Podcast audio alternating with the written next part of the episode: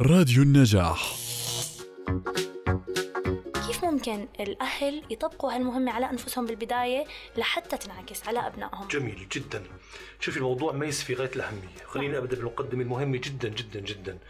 إحنا صراحة بنرجع الآن عالميا لمنظمة الأمم المتحدة. بكل المنظمات التابعة لها أو الصادرة عنها.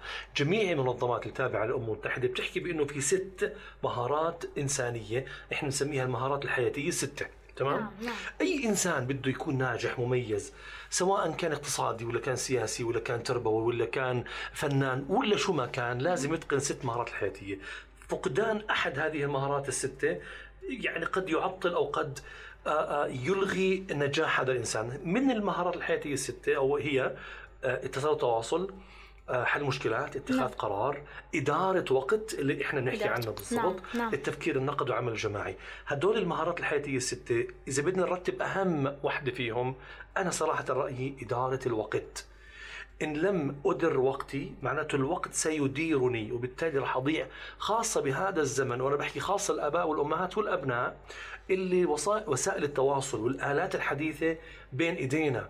الآن إحنا البعض عم بيسأل يا جماعة الخير ما عم بنحس بيومنا ولا بأسبوعنا ولا صح، بشهرنا؟ صح. أحدث التفاسير العلمية له هو تواصلنا إحنا على ال... يعني أقل شيء أنا بشغله باليوتيوب أو بالفيسبوك بقعد نص ساعة وأنا كأني حاسة نعم. دقيقة. نعم. طب أربع خمس مرات معناته أنا ضيعت أربع خمس ساعات من يومي معناته ضيعت ساعات من أسبوعي وشهري. فبالتالي لازم ندير الوقت بشكل صحيح وفاعل.